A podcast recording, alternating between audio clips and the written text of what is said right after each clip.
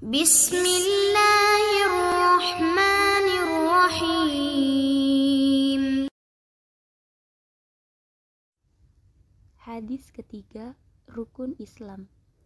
An Abi Abdurrahman Abdullah bin Umar bin Al-Khattab radhiyallahu anhu qala Sami'tu Rasulullah sallallahu alaihi wasallam yaqulu Buniyal Islamu ala khamsin syahadati an la ilaha illallah wa anna muhammadar rasulullah wa iqamis salati wa ita zakati wa hajjil baiti wa saumi ramadana rawahul bukhari wa muslim.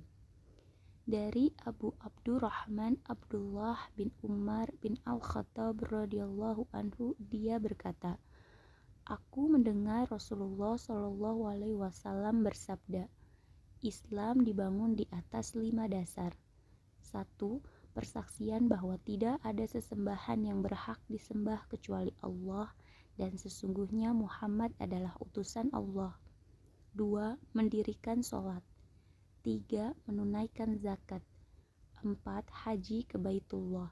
Dan lima, puasa Ramadan. Hadis riwayat Bukhari dan Muslim.